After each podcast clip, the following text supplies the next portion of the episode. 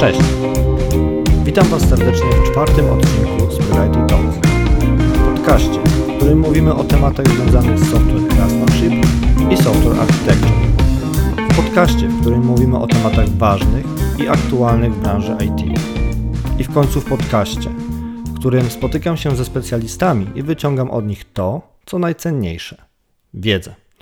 Jeśli nie słuchałeś poprzedniego odcinka, w którym rozmawiałem z ekipą z Gruba IT o tym, jak sklasyfikować czy też pogrupować firmy programistyczne i jak zdecydować, w jakiej firmie najlepiej będzie nam się pracowało, to to jest właściwy moment, żeby wysłuchać tej rozmowy. W tym odcinku nadal kontynuuję rozmowę z Bartkiem i Kubą, a skupimy się na szeroko rozumianym employer brandingu i tym, jaki ma to wpływ na odbiór organizacji, zarówno przez pracowników, jak i potencjalnych kandydatów. Rozmowa jest po prostu kontynuacją poprzedniego odcinka i zaczyna się dokładnie tam, gdzie tamten się skończył. Zapraszam. Employer branding. Co to w ogóle jest? A pytanie, czy chcesz książkową definicję, czy chcesz naszą definicję? Jak my to czujemy? Zrozumiałem dla programistów. Z mojej perspektywy to jest komunikacja, którą prowadzi firma, żeby albo zwiększyć retencję pracowników, czyli sprawić, żeby ci, którzy aktualnie już pracują w firmie, czuli się docenieni, czuli się fajnie, mhm. a z drugiej strony, żeby pokazywać aktualną sytuację w firmie, aktualne, całą kulturę organizacyjną i ludzi, którzy tam pracują, e, projekty na zewnątrz, czyli żeby zachęcić osoby, które nie wiedzą za dużo o firmie, żeby one się dowiedziały, co my robimy, jakich ludzi mamy i jakie pro projekty rozwiązujemy. To czym to się różni od marketingu? Marketing to jest worek na wiele różnych uh mhm. -huh. rzeczy. I to, znaczy? to, jest jak najbardziej pewna forma marketingu. Uh mhm. -huh. Przynajmniej w moim rozumieniu tego słowa ono może być e, inne od encyklopedycznego. E. Mhm. Natomiast po prostu employer branding, tak jak marketing zresztą, jest skupiony wokół komunikacji pewnych treści i te treści są kierowane do odpowiedniej jakiejś grupy docelowej. Mhm, ale to, to, to jak? Spróbujmy to jakoś, nie wiem, marketing to jest klasa abstrakcyjna, a employer branding to jest jej implementacja, jakaś jedna z, czy na odwrót, czy raczej tam jest jakaś agregacja? Chyba, chyba bym raczej powiedział po prostu, że, że employer, e, e, employer branding jest podzbiorem marketingu. Podzbiorem, tak? Tak mi się wydaje, ja bym to tak rozumiał. Mhm, czyli marketing agreguje w sobie też employer branding. Tak. Czasami w niektórych firmach nie ma jakiegoś działu, który się zajmuje docelowo tylko employer mhm. brandingiem. Są działy marketingu, które po części zajmują się też EB. Co się stało, że ostatnio tak dużo się mówi o employer brandingu? Bo kiedyś tego terminu w ogóle nie było. Był marketing oczywiście i nagle ciężko mi jest to umiejscowić w czasie, ale gdzieś tak ze 2-3 lata temu to słowo wybuchło na rynku IT i każda firma mówiła, że musi zacząć dbać o employer branding. Potem przycichło i teraz jedne firmy na tym się skupiają w większym stopniu, o czym będziemy rozmawiać, jedne w mniejszym. Co się wydarzyło, że nagle to zaczęło być takie istotne? Zaraz oddam głos Bartkowi, ponieważ on zdecydowanie więcej ma ten temat do powiedzenia. E, natomiast jestem w stanie powiedzieć, że na pewno nie było czegoś takiego, że employer branding po prostu nagle wziął i się pojawił. Employer branding był zawsze, od kiedy pracownik był z własnej woli mógł pracować w jakiejś firmie, mhm. a nie nie ale zaczęło się, nie ale zaczęło się o nim więcej mówić. Naprawdę. Było coś takiego, że zaczęło się o nim więcej mówić. On był oczywiście, ale tak, no podejrzewam, że tak. Po prostu nadali temu jakoś nazwę, nie wiem kiedy, nie wiem kto to zrobił i też troszkę mm, pewnie jakaś era tej komunikacji w jakichś social mediach i tak dalej, która na, nadaje różnym buzzwordom brzmienie mhm. na świecie i employer branding pewnie też jest jakimś buzzwordem, który po prostu jakieś ma znaczenie za sobą i tak naprawdę się okazuje, że robimy to od 150 lat. Mhm. I dlatego mi się wydaje, że to się po prostu nie pojawiło znikąd. E, to już było, natomiast teraz e, nabrało pewnego kształtu, który jest przez jakichś ekspertów z danej branży rozwijany, pokazywany na konferencjach. Ludzie, którzy jeżdżą na te konferencje, słuchają, uczą się tego, zaczynają to rozprzestrzeniać dalej wokół swoich jakichś współpracowników. E, dlatego wydaje mi się, że nagle ostatnio się dużo tego pojawiło, dużo osób zechciało się w tym specjalizować, bo to też jest jakaś forma specjalizacji w, mhm. ogólnie w marketingu. Podejrzewam, że stąd się to wzięło. Tak, zdecydowanie zgadzam się z tym, że od zawsze trzeba było w jakiś sposób pokazać na zewnątrz, co robimy. Natomiast rynek pracownika chyba y, spowodował to y, i całe potrzeby rekrutacyjne, że nagle musimy dużo bardziej skondensować całą energię i pokazać e, światu, jacy my, jak my pracujemy, kim my tak naprawdę jesteśmy. Im więcej bodźców otrzyma druga strona, czyli w tym momencie kandydat, tym większe dotarcie i większe prawdopodobieństwo, że on będzie naszym pracownikiem. Mhm. Więc w momencie, kiedy zaczęła się kurczyć bardzo mocno grupa pracowników, a potrzeby wzrosły, e, no to w tym momencie trzeba było znaleźć nowe drogi, jak dotrzeć do tych osób. Pojawił się znowu gdzie potrzeba, tam jest, tam rodzi się jakaś nowa idea i, i, nowe pomysły i zaczęto rozwijać to, co już od zawsze działo się w firmach, natomiast zaczęto szukać nowych technik, nowych możliwości, no i tak wyrósł e, employer branding, Przynajmniej z tego, co gdzieś tam udało mi się zaobserwować. Mhm. Dobra, ja jestem prostym człowiekiem i chyba potrzebuję prostszej definicji. Jakbym tak miał popatrzeć na jakąś firmę i mielibyście mi pokazać, o, popatrz na tego newsa, to jest employer branding, to jakiś przykład? Tak, żebym namacalnie mógł stwierdzić, o, to jest employer branding. Employer branding to jest szereg różnych działań mhm. E, i możemy zobaczyć go gołym okiem. To jest zawsze, kiedy firma pokazuje swoją kulturę na zewnątrz, żeby cię zachęcić do pracy tam. Mhm. Ewentualnie E, wzbudzić w tobie dumę, że tam pracujesz. Czyli nie logo, kulturę użyłeś słowa. Tak. O, tak. Masz mnie. No, bo to jest bardzo istotne słowo w organizacji. Nie? Tak. E, I trosz, troszkę tutaj możemy wykazać pewne różnice pomiędzy marketingiem a employer brandingiem. Aha, ale czekaj, marketing agreguje employer branding, a teraz różnice. Tak, ponieważ możemy mimo wszystko wykazać pewne nie jestem specjalistą w tej dziedzinie, mhm. więc nie jestem w stanie tego pokazać, mhm. że jedno zawiera drugie, bądź też jedno troszkę się różni od drugiego, jest tam jakaś inna relacja występująca. Natomiast wydaje mi się, że zwłaszcza ostatnio, kiedy jest, jest bardzo duży trend na to, że firma chce pokazywać swoją ludzką twarz, mhm. firma chce promować ludzi, nie promować loga czy też jakiejś instytucji. I tutaj często mówimy właśnie w tym kontekście o employer brandingu, chociaż nie zawsze, ponieważ firma może jako taka pokazywać po prostu, patrzcie jakie mamy biuro, patrzcie jaką mamy zjeżdżalnię. Aha, czyli wrzucanie zdjęć biura to jest jakaś forma employer brandingu też, tak? można tak powiedzieć, e, natomiast to zależy od tego, jaki jest cel faktycznie działania mhm. tej firmy, bo mhm. firma może po prostu wrzucać, żeby były ładne zdjęcia w internecie i klient, który przegląda, uzna, uzna daną firmę, że jest jakaś wiarygodna. To mhm. może być forma marketingu po prostu B2B. No, wrzucanie zdjęcia zjeżdżalni niekoniecznie przyciąga klientów, mi się wydaje. Ciężko powiedzieć. Zależy jakich klientów, w jakiej branży i jaki jakie problemy to firma rozwiązuje. Bo, bo Może firma buduje zjeżdżalnię. Mhm, przypomina mi się, no tak, przypomina mi się takie, e, to, taki komiks, gdzie klient, prezes oprowadza jednego ze swoich głównych klientów po firmie i nagle przechodzi facet w szlafroku z kubkiem kawy i w kapciach i klienta to pyta, a ten to kto? A nie, nie, nie, to jest Zbyszek, programista, nie? A, spoko. Tak? Bo od nam się jednak więcej wybacza. Nie? Tak, tak, to prawda. Więc to zjeżdżalnie to też jest jeden element z tych, które się nam wybacza. Dobra. Ale jeśli, jeśli patrzysz na jakieś działania firmy na zewnątrz i chcesz wiedzieć, czy to jest employer branding, zastanawiasz się, czy to jest employer branding, to jest całkiem prawdopodobne, że to jest employer branding. Kurczę, to już zabrzmiało trochę jak kot Schrödingera. Je, jeśli, jeśli ta firma wychodzi do ciebie i ty się spotykasz mhm. z komunikatem tej firmy mhm. i e, za, zastanawiasz się nad tą firmą, jaki ona komunikat chce przekazać, całkiem możliwe, że ona po prostu chce cię do siebie przekonać.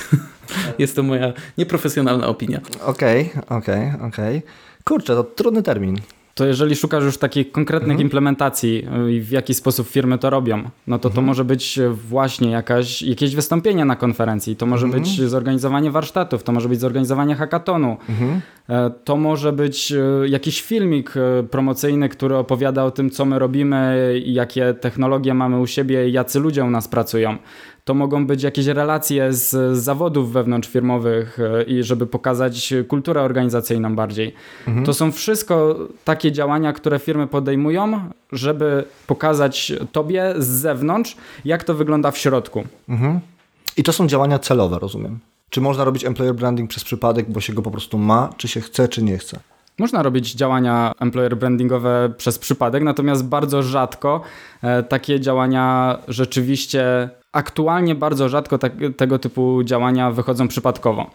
W większości to są bardzo celowe działania, które mają konkretne przesłanki i konkretne cele do spełnienia, czy to rekrutacyjne, czy to zwiększenia retencji w firmie. Zastanawiam się, jak się to ma do, do personal brandingu, który ma się, czy się tego chce, czy się nie chce. Każdy z nas, y, to jest pojęcie, które jest związane z tym, to jest to, jak jesteśmy postrzegani na rynku profesjonalnym, zawodowym po prostu. Nie? Mhm.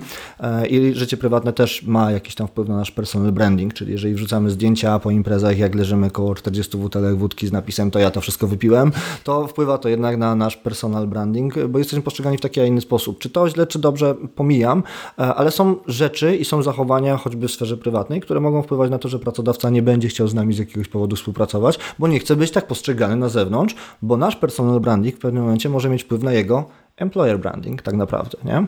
A, więc patrząc na to od tej strony, i mając tą świadomość, że mamy ten personal branding zawsze, czy jest sytuacja, w której firma nie robi employer brandingu, ale i tak jakiś ma, bo w jakiś sposób musi być przecież postrzegana. To jest tożsame, czy jednak nie?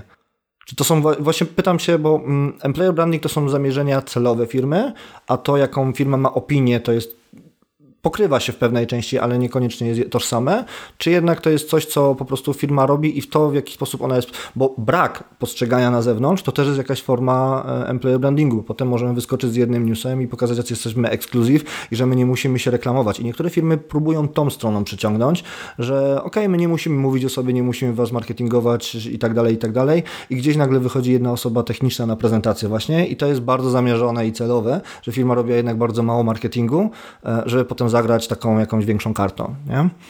No, zwykle z, z mhm. bardziej spotykam się już z jakimiś celowymi e, mhm. działaniami. Natomiast e, powiedzmy sobie szczerze, małe firmy w większości nie mają e, tego całego mindsetu za sobą, nie jeżdżą na mnóstwo konferencji, mhm. gdzie pokazuje się, jak to się robi, jak to się mierzy, jak to wszystko powinno działać. Natomiast robią to intuicyjnie, nie? Mhm. Pokazują e, naszą kulturę organizacyjną, to jak, w jaki sposób my pracujemy, tutaj jakieś e, żarty, tutaj jakieś bal przebierańców, tutaj jeszcze coś innego. Pokazują codzienną pracę, dzięki czemu przekonują do siebie tą autentycznością. Mhm. I to jest też e, pewien rodzaj employer brandingu, który mhm. de facto jest bardzo wartościowy. Czy nie warto iść w employer branding? Czy warto iść właśnie w taki employer branding, jaki, o którym ty mówiłeś, że nie ma nas, nie ma nas, nagle jesteśmy i po chwili znikamy i znowu wracamy za jakiś czas? Jeżeli to się sprawdza dla danej firmy, to prawdopodobnie tak. Natomiast my mamy z kolei inne spostrzeżenia z mhm. naszego rodzimego rynku, gdzie firma, która dotychczas nie interesowała się tak bardzo employer brandingiem, teraz widzi, że bardzo potrzebuje też pokazać się na zewnątrz, bo nagle musi zacząć rosnąć. Coś chwyciło, mhm. musi zacząć bardzo szybko rosnąć, a o niej nie było y, słychać do teraz. I ja uważam, że ta firma jest genialna, ale ja dopiero dowiedziałem się o niej, kiedy my zaczęliśmy szukać sponsorów. Mhm. I to też tak y, przez przypadek, bo gdybym nie organizował e, World Usability Day w tym roku, to nie dowiedziałbym się, że ta firma w ogóle istnieje. Mhm. Okej, okay, dobra, bo mm, wiecie co, ja często na rozmowach rekrutacyjnych, jak rozmawiam z kandydatami, to dowiaduję się o istnieniu jakichś firm w ogóle, więc zgadzam się z tą, że niektóre firmy mają to może nie tyle słabo zrobione, co w ogóle nie są widoczne. Czy to jest zamierzone, czy nie, trudno mi powiedzieć, ale jest mnóstwo firm na rynku śląskich, o którym spodziewam się, że nawet wy, którzy budujecie community na rynku śląskim tak naprawdę, nie macie zielonego pojęcia. I to już jest troszeczkę niepokojące, dla tych firm oczywiście. To, to możemy powiedzieć na pewno firmom, że jeżeli e, chcą zacząć zatrudniać, to powinny jednak o coś zadbać.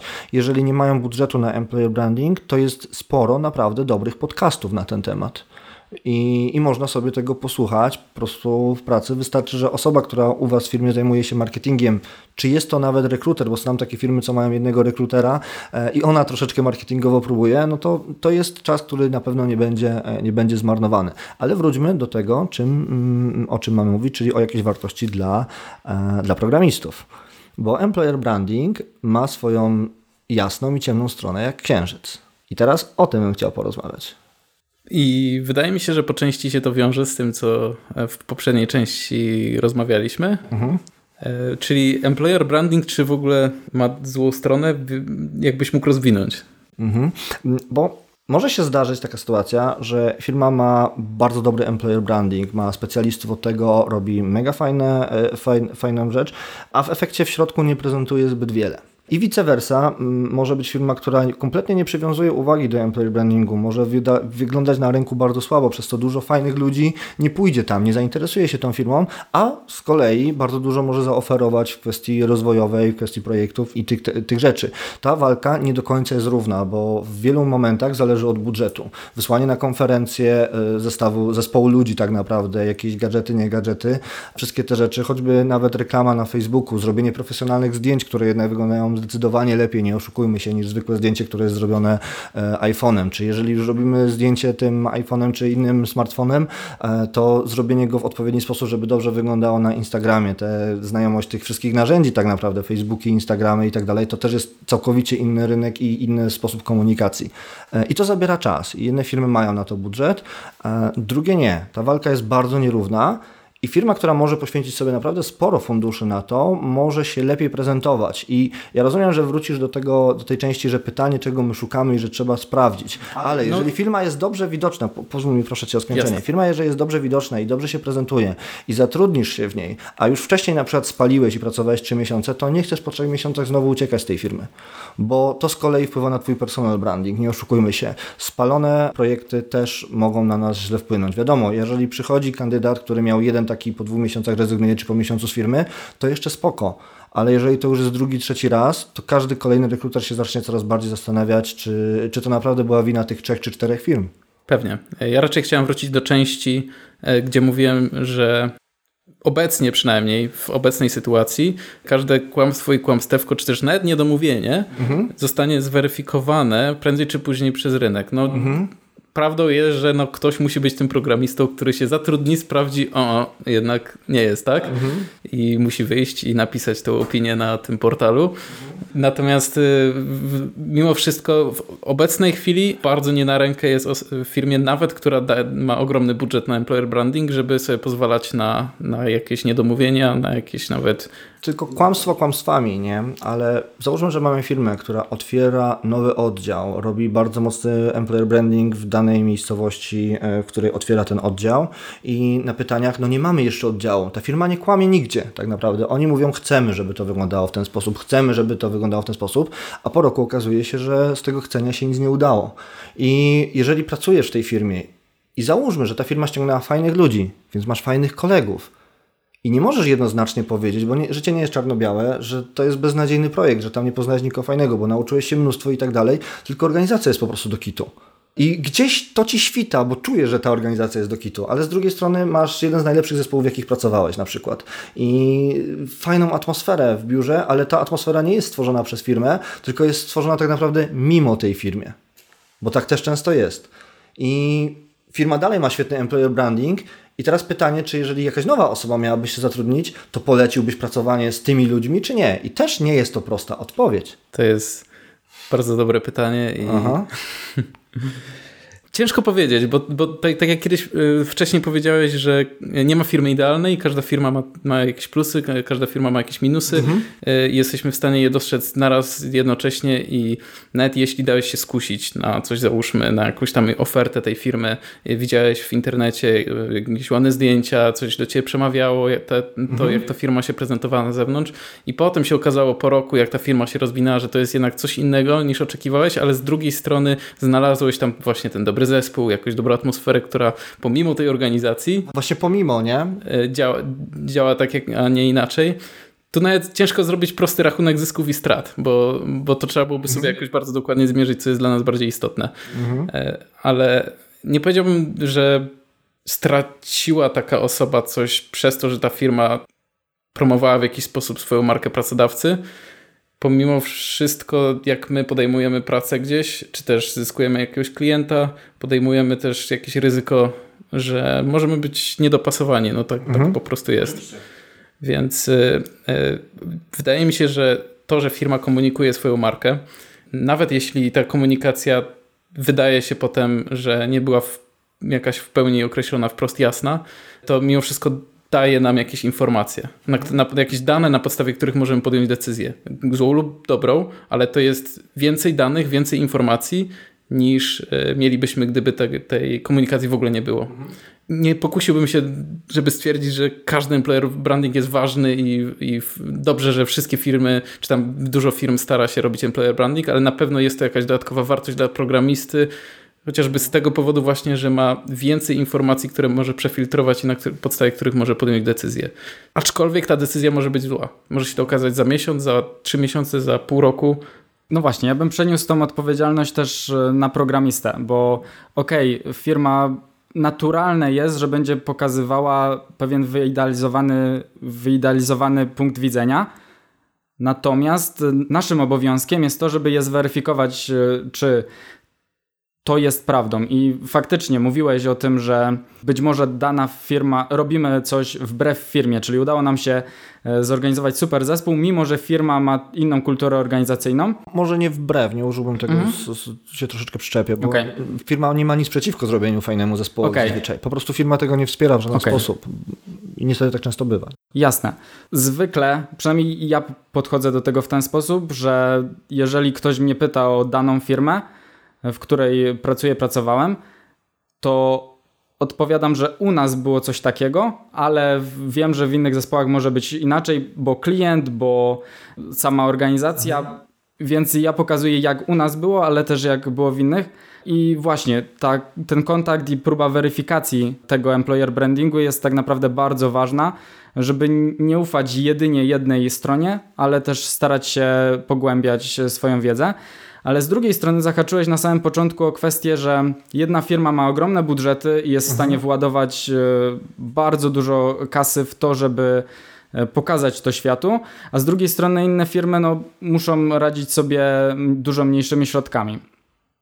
I w tym momencie wkracza też e, jeszcze akurat na śląskim rynku właśnie fundacja, bo naszym celem jest też, żeby pokazywać firmy pracownikom tak, jak one wyglądają w rzeczywistości.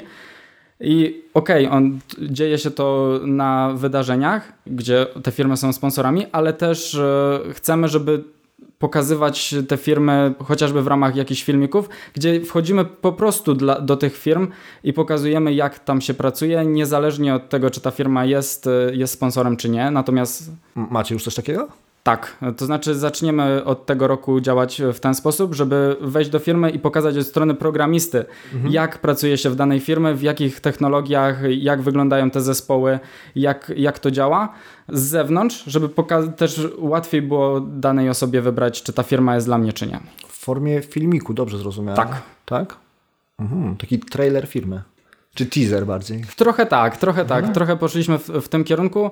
E, wideo jest ostatnio bardzo modnym i dobrym mhm. E, środkiem przekazu e, więc chcieliśmy też go wykorzystać. No, potrafi przekazać jak najwięcej bodźców. Oczywiście mhm. najfajniej by było, gdyby ktoś przyszedł do firmy, usiadł i przez cały dzień, cały dzień spędził z danym zespołem. Natomiast to jest nierealne. To jest jakaś forma, którą jesteśmy w stanie przekazać osobom, które nas obserwują żeby też poznały lepiej tą firmę. Tak, tak na marginesie jeszcze znam parę takich rekrutacji, że osoby rekrutujący właśnie -hmm. chcieli przyjść na jeden dzień do pracy i po prostu sobie posiedzieć z tymi ludźmi. Wiadomo, NDA-ki, nie NDA-ki, różne dziwne rzeczy, ale to jest możliwe. Tak. Z, to jest możliwe. Więc jeżeli jesteś taką osobą, która stwierdza, że bardzo boi się kolejnego ryzyka, to możesz coś takiego zaproponować. Też po samej reakcji zobaczysz, e, z kim masz do czynienia. Zdecydowanie. No, z drugiej strony to też tak działa, że często same zespoły chcą najpierw spróbować jeden, dwa, trzy dni z daną osobą, czy to w ogóle ma, ma sens. To już jest duży koszt, nie? To, to, to jest kwestia kalkulacji zysków strat, ale ja bym słuchaczom chyba powiedział, że weźcie pod uwagę, że chcecie tam pracować rok, dwa lata,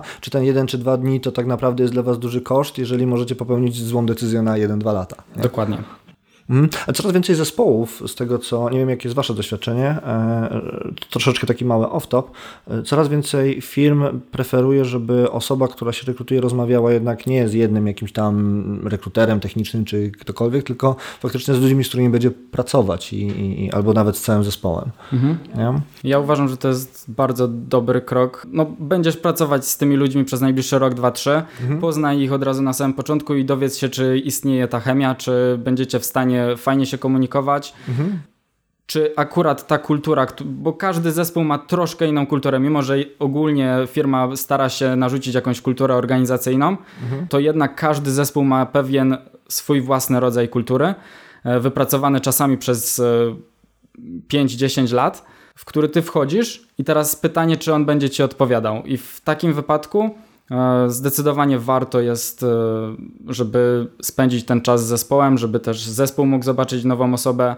Powiedzmy sobie szczerze, nie wyprodukujesz żadnego produkcyjnego kodu prawdopodobnie te, tego dnia, mhm. natomiast będziesz w stanie poczuć, czy to jest to coś, e, to jest to miejsce, w którym chciałbyś pracować przez najbliższe 3 lata na przykład. Mhm. Ja osobiście najchętniej bym się wbił na jakąś retrospekcję zespołu. No. O ile zespół by nie ściemniał, tylko mhm. zrobiłby normalną retrospekcję, to to jest punkt, w którym chciałbym, mm, chciałbym uczestniczyć. No, zdecydowanie. Mhm.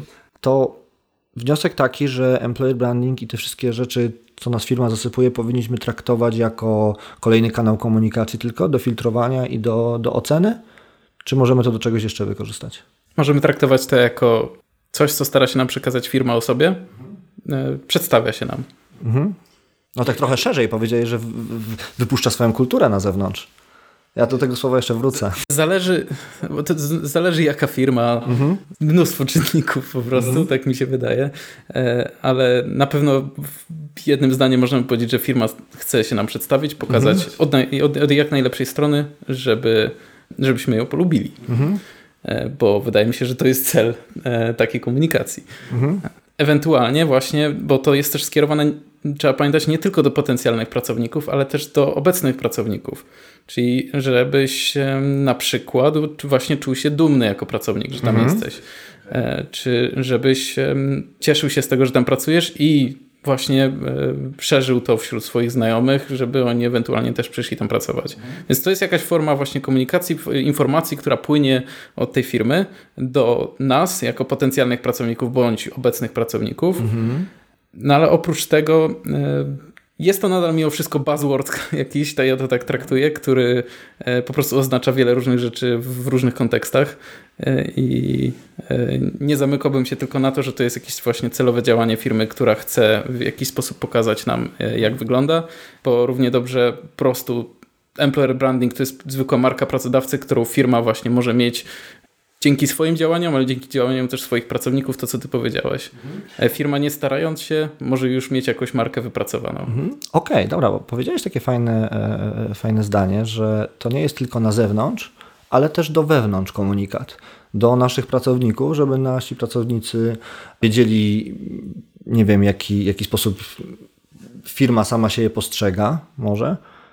I takie moja obawa jest, bo z jednej strony super, fajnie, bo to tak naprawdę tego typu komunikaty same w sobie już zaczną poniekąd wpływać na tą kulturę organizacyjną, o której mm -hmm. mówiliśmy. Czyli pokazywanie kultury organizacyjnej wpływa na budowanie kultury organizacyjnej. Dla mnie to brzmi jak pętla sprzężenia zwrotnego.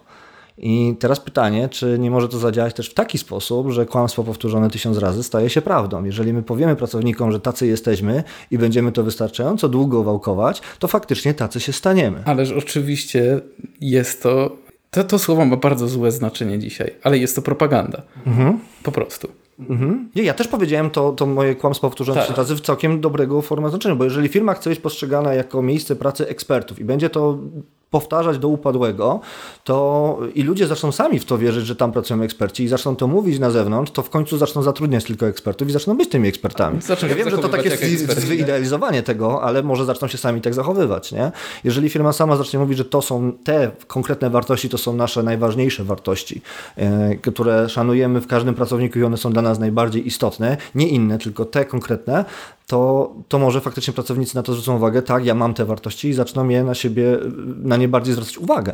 Tak, no i o, o ile w, przy małych firmach właśnie jakaś kultura organizacyjna, jakieś podejście wszystkich pracowników, e, którzy tam siedzą, a ich powiedzmy może być 15, to nie jest trudne, żeby, e, żeby to się samo jakoś wytworzyło i żeby ta firma trwała mhm. w, w danej podejściu, w danej kulturze przez jakiś czas, ale właśnie jak firma się rozrasta, jak firma na przykład ma już kilkuset pracowników, to następuje sytuacja, o której powiedział Bartek, czyli że każdy zespół po części ma jakoś troszkę inną kulturę. Mikrokultury się tworzą. Tak. Mhm. I firma wytwarza naturalnie narzędzia, które pozwalają jej wpływać na to, jak oni chcą, żeby, żeby ta firma wyglądała po prostu.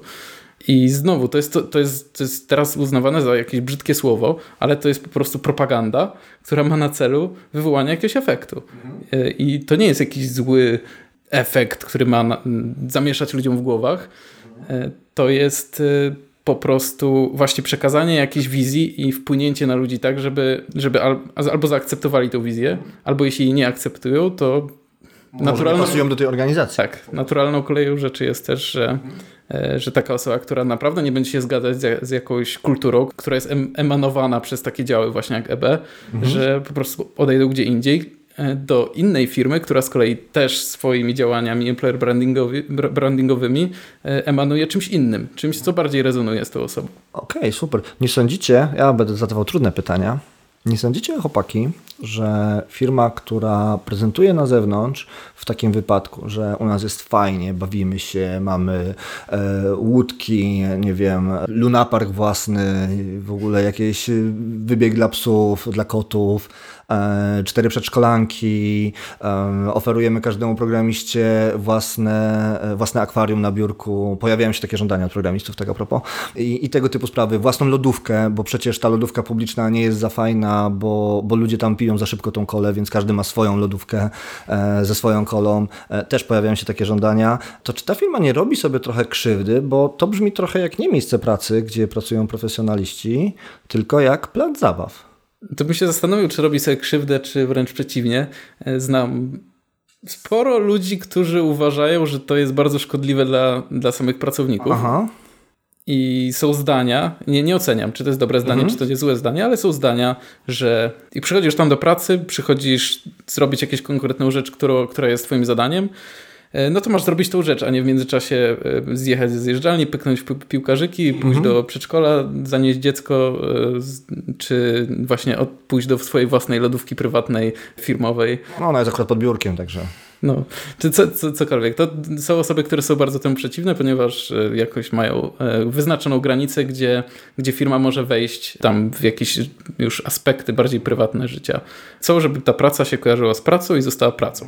Bo wiecie, kto to wytworzył? Google zaczął z tymi wszystkimi rzeczami, tymi lodówkami. Mają w ogóle wpisane, że 50 metrów od jedzenia nie może się pracownik oddalić, e, czyli zawsze tam są te zestawy kanapkowe i tego typu sprawy, po to, żeby pracownicy siedzieli w domu, bo skoro ty masz przedszkolankę, która zostanie dłużej godzinę. I to nie jest żaden problem, bo ona też ma bardzo dobrze płacone w stosunku do tych innych przedszkolanek.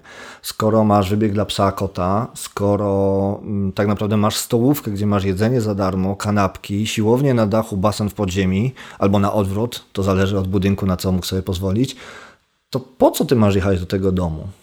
Może wtedy, skoro masz wszystko w pracy, lepiej wynająć sobie najmniejsze możliwe mieszkanie, bo tam tylko nocujesz, skoro masz wszystko w jednym miejscu. I bardzo dużo ludzi w Silicon Valley w USA właśnie tak zrobiło, szczególnie, że tam mieszkania są strasznie drogie. Ale czy to nie jest jakieś. To jest dopiero propaganda i manipulacja? Z, z jednej strony takie zachowania e, mogą wpływać na to, że firma rzeczywiście e, osiąga korzyści z tego, że ci pracownicy siedzą i żyją praktycznie w tej firmie. Mhm. A z drugiej strony trzeba pamiętać, że wydaje mi się, że to jest trochę taki miecz obosieczny, e, gdyż obecnie na rynku, na którym jest straszna konkurencja o pracownika, trwa niemalże wyścig zbrojeń, po prostu wyścig działań mhm. employer brandingowych. Jeśli ta firma zaczyna oferować lodówkę e, pod biurkiem, mhm. to druga firma, jak tylko się o tym dowie, istnieje prawdopodobieństwo, że oni też tą lodówkę muszą dać, no bo nie mogą być gorsi. Jest, jest pewna oferta na rynku, którą trzeba jakoś zaadresować. Był taki wyścig z benefitami. On się troszeczkę teraz ustabilizował, ale były takie początek, że mało która firma oferowała prywatny pakiet medyczny, teraz praktycznie każda, sportowy, praktycznie każda, prywatne ubezpieczenie, praktycznie każda. To się w miarę ustabilizowało w tym miejscu, a teraz pokoje dla jogi, pokoje do medytacji, piłkarzyki, sale z konsolami, tylko nie może być jedna, musi być i PlayStation i Xbox, szanujmy się, nie?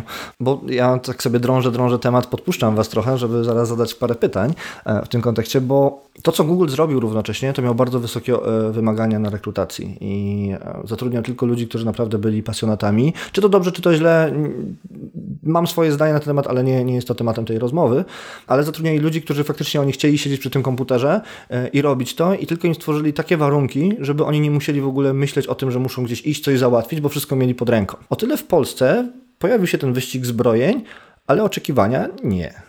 I pojawiły się firmy, które wychodzą z założenia tego naszego popularnego stwierdzenia, że N studentów załatwi nam robotę. Wydaje mi się, że po części wiem, czemu tak może być, ponieważ zauważ, że Google jest firmą produktową.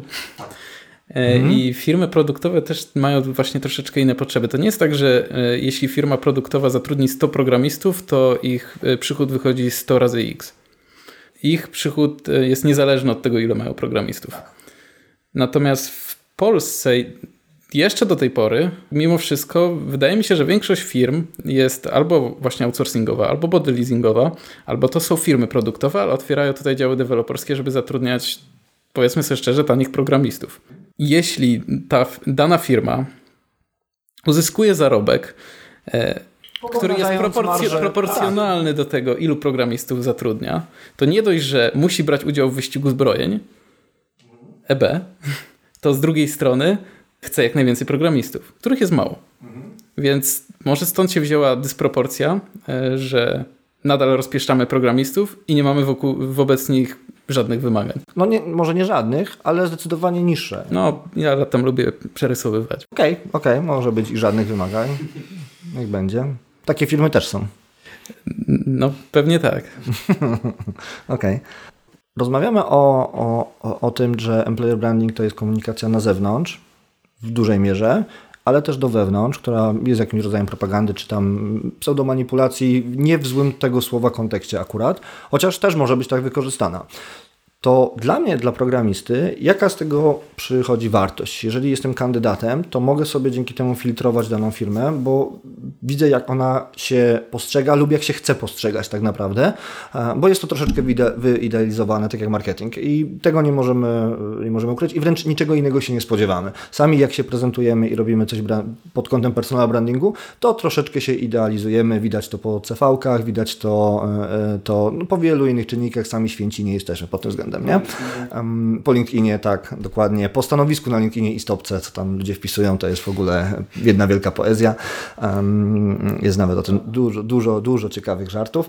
Ale popatrzmy teraz od strony wewnętrznej, jako pracownik, e, bo to było bardzo ciekawe i mogę patrzeć, jak firma sama chciałaby siebie postrzegać, mogę to oceniać, czy ona bardzo naciąga tą prawdę, czy nie, bo widzę, jak faktycznie wygląda moja rzeczywistość. E, I teraz pytanie, czy może, jeżeli to jest duża firma i większość, tak jak powiedziałeś, e, Kuba, to są firmy outsourcingowe, to może w jednym miejscu faktycznie tak to działa. Czy to nie jest dla mnie jakiś sygnał, że może powinienem zacząć o tym rozmawiać, że to działa inaczej u mnie w moim projekcie? Bo z moich doświadczeń ludzie zazwyczaj po prostu jak widzą komunikat, który nie jest spójny, to się z niego śmieją, machają ręką i koniec, nie? Niektórzy faktycznie zaczą tak o sobie myśleć, jeżeli firma jest dobra w tym, co robi, to możemy faktycznie uzyskać pętlę sprzężenia zwrotnego, czyli modyfikować całą organizację. Są nawet firmy, które zajmują się budowaniem kultury organizacyjnej, nie wiem, czy wiecie. Centralnie można zatrudnić zewnętrzną firmę, która przyjdzie do nas i zbuduje nam kulturę organizacyjną. Dla mnie troszeczkę, troszeczkę ciekawe, bo kultura organizacyjna jest rzeczą, która sama się tworzy organicznie, e, ale faktycznie możemy jako firma nakładać jej pewnego rodzaju ramy. I bardzo mnie interesuje, jak takie firmy nakładają te ramy, ale nie miałem nigdy okazji współpracować z żadną z nich. Mm, natomiast pytanie, co my, jeżeli ja widzę komunikat niespójny, czy ja mogę coś z tym zrobić jako pracownik? Co ty byś zrobił? Widzisz, że twoja firma robi komunikat niespójny, Chcesz o tym rozmawiać, czy chcesz to ignorować? Jeżeli ja widzę niespójny komunikat, no to zastanawiam się, dlaczego on jest niespójny. Czy to jest problem mój, mojego zespołu, czy być może firma nagle zmieniła kierunek, a my się nie dostosowaliśmy. Mhm. E, zastanawiam się, gdzie leży ta różnica i jeżeli widzę, że coś tu nie gra, no to staram się dojść, czy my powinniśmy się zmienić, czy być może firma poszła w nie tym kierunku, w którym ja personalnie chcę iść. Bo tak naprawdę to, o czym mówimy, to jest komunikacja misji, wizji, wizji samej e, organizacji i z tego później się wywodzi kultura organizacyjna. Mogła wyewoluować trochę inaczej, natomiast e, jeżeli ja widzę, że ta kultura organizacyjna się zmieniła, bo na przykład z, zmerdżowaliśmy się z inną firmą i nagle inne priorytety są w ramach e, nowej spółki, to teraz jest kwestia tego, czy to jest spójne z moimi e, celami, z moją wizją, z wizją miejsca, w którym ja chcę pracować. Jeżeli nie, no to szukam innego miejsca albo staram się, jeżeli mam coś innego, co mnie bardzo przyciąga w danej firmie, no to staram się dostosować do tego, co aktualnie jest potrzebne w firmie, bo takie sytuacje e, też e, się zdarzają. Zdarzyło Ci się kiedyś myśleć o zmianie pracy albo w ogóle myśleć o, o, o, o czymś takim tylko i wyłącznie z powodu komunikatu employer brandingowego firmy? Z powodu komunikatu pojedynczego nie. No może nie pojedynczego, ale serii. No to ile? Pół roku firma ma niespójny komunikat, to się zastanawiał nad zmianą pracy, mimo że wszystko inne jest ok? tylko ona się na zewnątrz prezentuje, czy raczej, bo z moich doświadczeń raczej zespół na to macha ręką i się z tego śmieje. Wiadomo, gdzieś tam to ziarenko jest i kropla drąży skałę, może kiedyś to ono, ono po prostu wyskoczyć i, i szambo wyleje w pewnym momencie, bo, bo stwierdzimy albo na kogoś nakrzyczymy, ale jednak e, wydaje mi się, że w Polsce programiści na takie rzeczy strasznie machają ręką, bo są przyzwyczajeni, że wszystko, obie strony się okłamują i jedni kłamią w CV, drudzy kłamią w komunikatach marketingowych, w employer brandingu, wszyscy na to przemykamy oko i traktujemy to, jakoby to było całkowicie normalne. Biorąc pod uwagę to, co Kuba powiedziałeś, że nie możemy już za bardzo kłamać, nie? Ale wciąż gdzieś takie przemykanie oka jest. Tak, bo właśnie e, działania employer, employer brandingowe to jest żmudny i długi proces i zarówno mhm. pozytywne jego efekty, jak i negatywne efekty widzimy w czasie. Nie widzimy mhm. zaraz po jednym wydarzeniu, organizujemy hackathon i myślimy sobie, teraz jesteśmy fajną firmą. Mhm. Raczej dążymy w jakichś działaniach e, operacyjnych, które wspierają jakoś naszą wizję mhm. i po paru latach latach, niekoniecznie, może więcej niż paru latach, e, ten efekt osiągamy. I równie dobrze e, może to być to, co chcieliśmy osiągnąć, czyli że faktycznie mamy teraz taki, a nie inny wizerunek, ale z drugiej strony e, te osoby, które z nami były, a my zmieniliśmy drastycznie wektor, to się okazuje, że już nie chcą z nami być. I tak może być. I to nie jest tak, że oni, im się nie spodobało jedno wydarzenie, które zrobiliśmy, albo jeden komunikat, który wysłaliśmy jako firma. Im się to średnio podobało, albo e, trochę tylko nie podobało, machali na to ręką, ale po roku, dwóch, trzech latach po prostu nadarzyła im się inna okazja, pokazała się inna firma, która jest o wiele bardziej spójna z nimi, a my jesteśmy już zmęczeni tym, że że my ciągle musimy machać tą ręką w naszej firmie. Mm, Więc okay. podejrzewam, że to trochę się z tego bierze. Cofając się odrobinę, bo też chciałem dodać do tego, co, co robisz, jeśli widzisz komunikat, który jest niespójny z tobą. I to zależy właśnie, jeśli jestem w firmie, która to jest jakaś mała firma, powiedzmy, nam 10-15 osób, rekrutował mnie sam CEO, założyciel. To możesz się pośmiać CEO. No to idę do niego, klepię go w ramię i stary, co jest grane, nie? Do czego pijesz? Ale jeśli jestem w firmie, która ma tysiąc pracowników, no to co ja mogę zrobić? No czy, czy ja mogę, mo, mogę spróbować na, napisać maila, mogę spróbować e, wyrazić jakoś swoją opinię, mogę... No, mogę rozmowie rocznej się... Mogę machnąć ręką, e, mogę się ponaśmiewać w kuchni i ten śmiech przez pół roku, przez rok, pół, dwa lata powoli przeradza się we frustrację. Po prostu po jakimś czasie, jeśli nadal jesteśmy niespójni, no mhm. nasze drogi się rozchodzą. Ja bym tu jeszcze wrócił do tego, że tak jak Kuba mówił, ta kultura jest, ten employer branding dopiero ma swoje odzwierciedlenie po kilku latach, ale jeżeli próbujemy pokazać coś, co nie do końca jest prawdą, no to ci pracownicy prawdą jest, że będą pokazywali świat na zewnątrz takim, jakim on jest, a nie będą pokazywali tego employer brandingowego przekazu. Bo powiedzmy sobie szczerze, nie jest, jesteśmy programistami, nie jesteśmy marketingowcami. Więc e, jeżeli ktoś się pyta, no to my mówimy jak jest i wtedy ta osoba ma taki dysonans. Tutaj mówimy o tym, że w firmie stawiamy na właśnie tą wartość biznesową, a z drugiej strony tutaj chodzi tylko o pisanie kodu, żeby on był jak najszybszy i niekoniecznie jakościowy.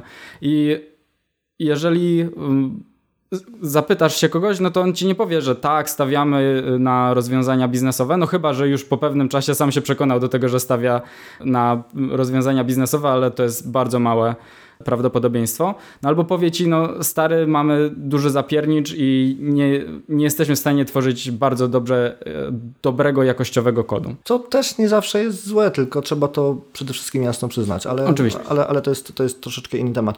Dobra, ja cały czas staram się od Was wyciągnąć na tyle dużo wiedzy, żeby coś spróbować ułożyć dla, dla, dla słuchaczy tak naprawdę.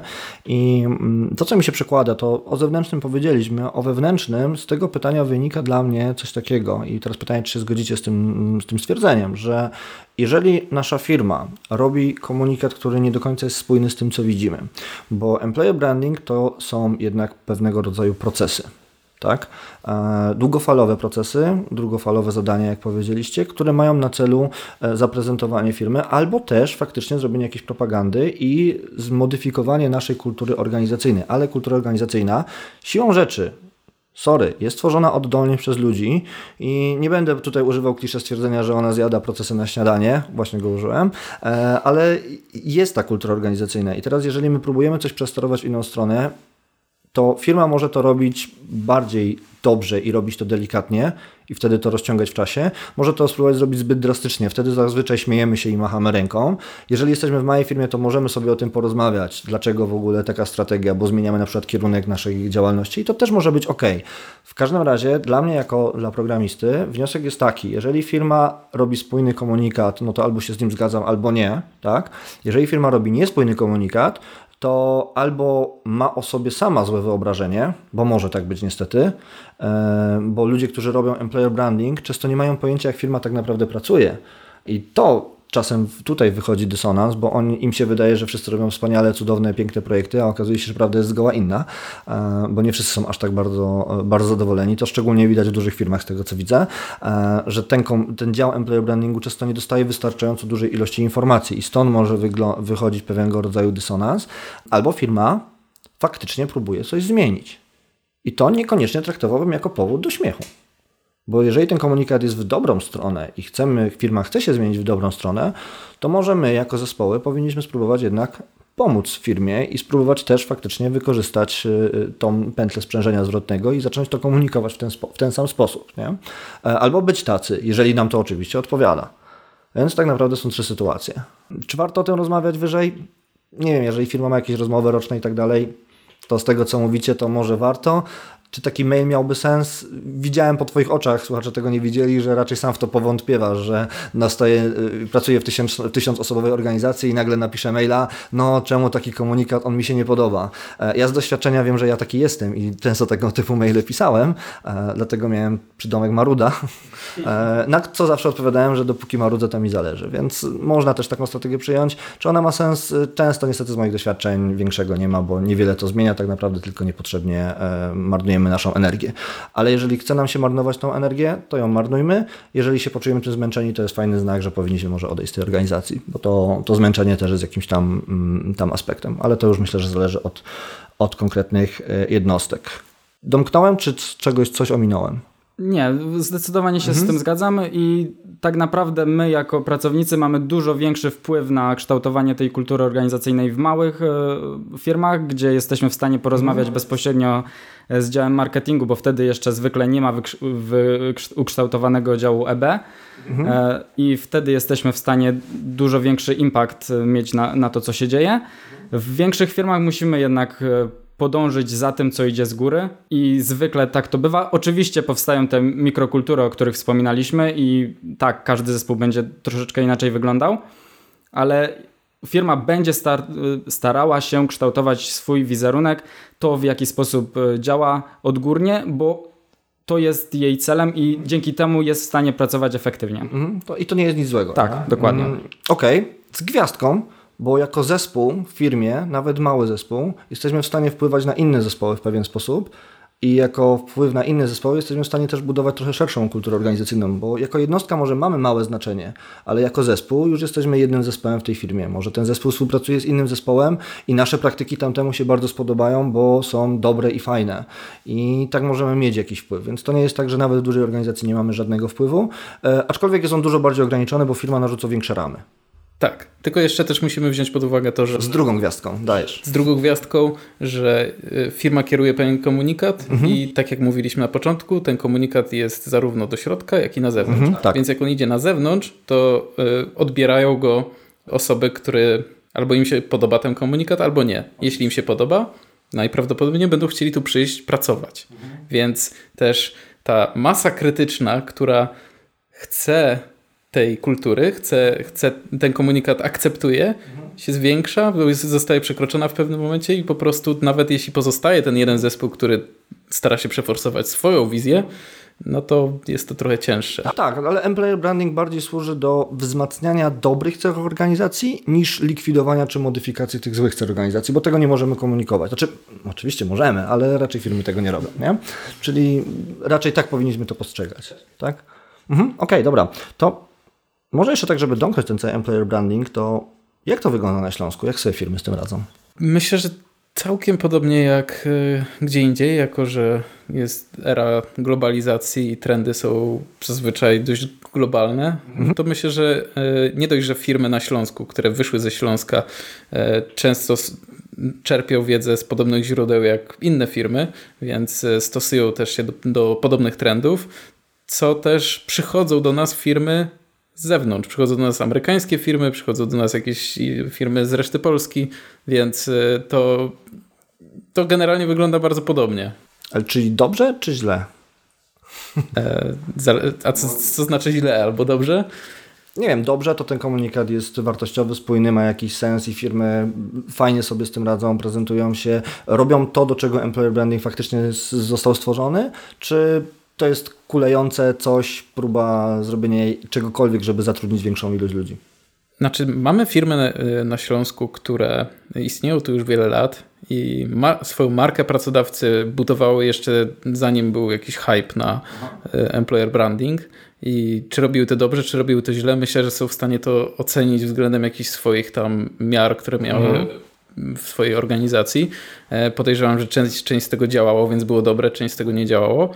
Więc y, przychodzą też firmy z zewnątrz, które są znane na zewnątrz, i są duże i mają już swoją markę pracodawcy, ale z kolei nie mają tej marki pracodawcy u nas na Śląsku. To znaczy, mhm. że pracownik nie wie, że ta firma e, jest opcją na Śląsku, mhm. do, do której może przyjść i pracować, czy też e, mhm. ten komunikat, jeśli on wychodzi San Francisco w, mhm. i pracownik w Katowicach nie wie, że ta firma z San Francisco też gdzieś ma oddział niedaleko, to ignoruje ten komunikat, bo po co mhm. zaśmiecać sobie głowę? To jeszcze jedna ważna rzecz. Employer branding ma zasięg bardziej lokalny niż globalny. Jest globalny, ogólny, ale są pewne aspekty, które dotyczą tylko i wyłącznie lokalnej społeczności w takim razie jeśli chodzi o mhm. zaznaczenie jakiejś obecności, chociaż mhm. fakt faktem e, dzieje się tak, że oddziały tej samej firmy miewają jakoś swoją zlokalizowaną kulturę. Mhm. I różne opinie. Bo dużo firm się w ostatnich latach przeniosło do, do Katowic.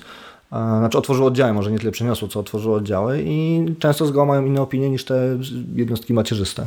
Mhm. No tak, są firmy, które budowały tutaj tą e, wieść o sobie przez wiele lat i teraz gdzie nie pójdziesz, to wszyscy mówią, że w tej firmie jest fajnie, do tej firmy warto iść. Niektóre firmy budowały ją bardziej na uczelniach, inne budowały ją bardziej wśród ekspertów mhm. i wśród różnych grup jesteś w stanie usłyszeć inne opinie na, na temat danej firmy. Ale z drugiej strony spotkaliśmy się z firmami, które powiedziały, że są od, gdzieś tam odgórnie sterowane, powiedzmy z San Francisco i powiedziały, że jak to ludzie nie chcą u nas pracować? Przecież u nas tutaj w Ameryce naturalne jest, że ludzie u nas pracują i chcą u nas pracować. Jesteśmy takim Googlem, więc ej, czemu ci ludzie nie chcą u nas pracować? I spotykaliśmy się z tego typu e, stwierdzeniami, bo to, że ty masz e, w Ameryce stworzoną bardzo mocną kulturę, e, bardzo mocno zaznaczyłeś swoją obecność, to wcale nie znaczy, że w Polsce masz taki sam status Wręcz przeciwnie, tutaj jest już tak bardzo dużo konkurencji, że musisz naprawdę mocno się postarać, musisz naprawdę zainwestować całkiem sporo, e, często i czasu, i pieniędzy na to, żeby pojawić się w świadomości programistów. Nasz śląski rynek jest dosyć trudnym rynkiem dla zewnętrznych firm, przynajmniej na tym samym początku, kiedy one jeszcze nie są w stanie jasno, nie mają utworzonej organizacji, które, w którą są zaangażowani już ludzie, którzy wiedzą, że jest fajnie w danej organizacji, a z drugiej strony są e, firmy, które już tutaj dłużej działają i po prostu je zagłuszają. Więc nie ma tego komunikatu od wewnątrz jeszcze, a z drugiej strony już jest ten komunikat z zewnątrz, więc wszyscy idą do tych zewnętrznych firm. Mhm. Szczególnie, że Śląsk wydaje mi się jest być dość trudny ze względu na skupisko dużej ilości miast, nie robi się tego tak łatwo jak w takim na przykład Krakowie, we Wrocławiu, w Warszawie, że twoim zasięgiem jest Warszawa tak naprawdę, bo wszyscy, którzy mieszkają na obrzeżach Warszawy w tych miastach, to i tak patrzą na komunikaty z Warszawy. U nas ludzie z Gliwic są Gliwiczaninami, ludzie z Katowic są Katowiczaninami i często to rodzi, e, często to rodzi różnego rodzaju problemy i wydaje mi się, że ten komunikat może być dość trudny do uzyskania, bo firma, która robi employer branding w Gliwicach, niekoniecznie nawet może być zauważona w Katowicach a to jest raptem 20 minut samochodem. To, to jest lekko kuriozalne, e, bo ja z tego miejsca, gdzie tutaj właśnie jesteśmy teraz, do centrum Katowic, wcale nie mam dużo bliżej niż do, do Gliwic na przykład. To prawda, ale kiedy rozmawialiśmy z firmami, to w większości nie było problemu, czy robimy wydarzenie w Gliwicach, mhm. czy robimy w Katowicach. Obie, większość firm nie mówi, że chcemy tylko Gliwice, chcemy tylko Katowice, jednak targetują całą metropolię śląską mhm. i starają się znaleźć e, ze względu na to, że mam dosyć dobrą infrastrukturę, tak jak mhm. mówisz, dosyć łatwo jest wszędzie dojechać, więc firmy targetują to dos dosyć szeroko. Natomiast no, Problemem e, może być dla tych małych, nowych firm e, to pierwsze przebicie się. Tutaj bardziej problemem nie jest e, perspektywa firm, tylko mentalność osób, tak mi się wydaje. Ale mhm. tak jak mówię, do tego wrócimy.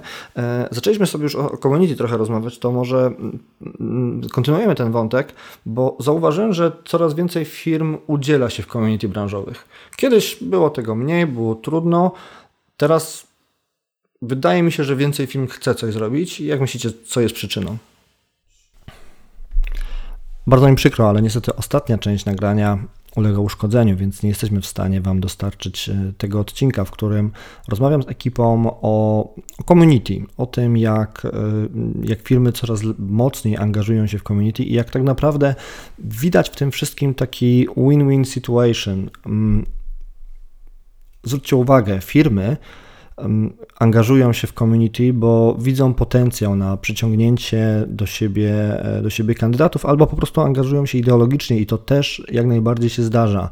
E, community dostaje wsparcie od firm, którego bardzo potrzebuje, bo potrzebne są pieniążki na salę, na ściągnięcie prelegentów, na to, e, żeby zapłacić nocleg, hotel, transport, no ogólnie rzecz biorąc wszystkie te rzeczy dookoła.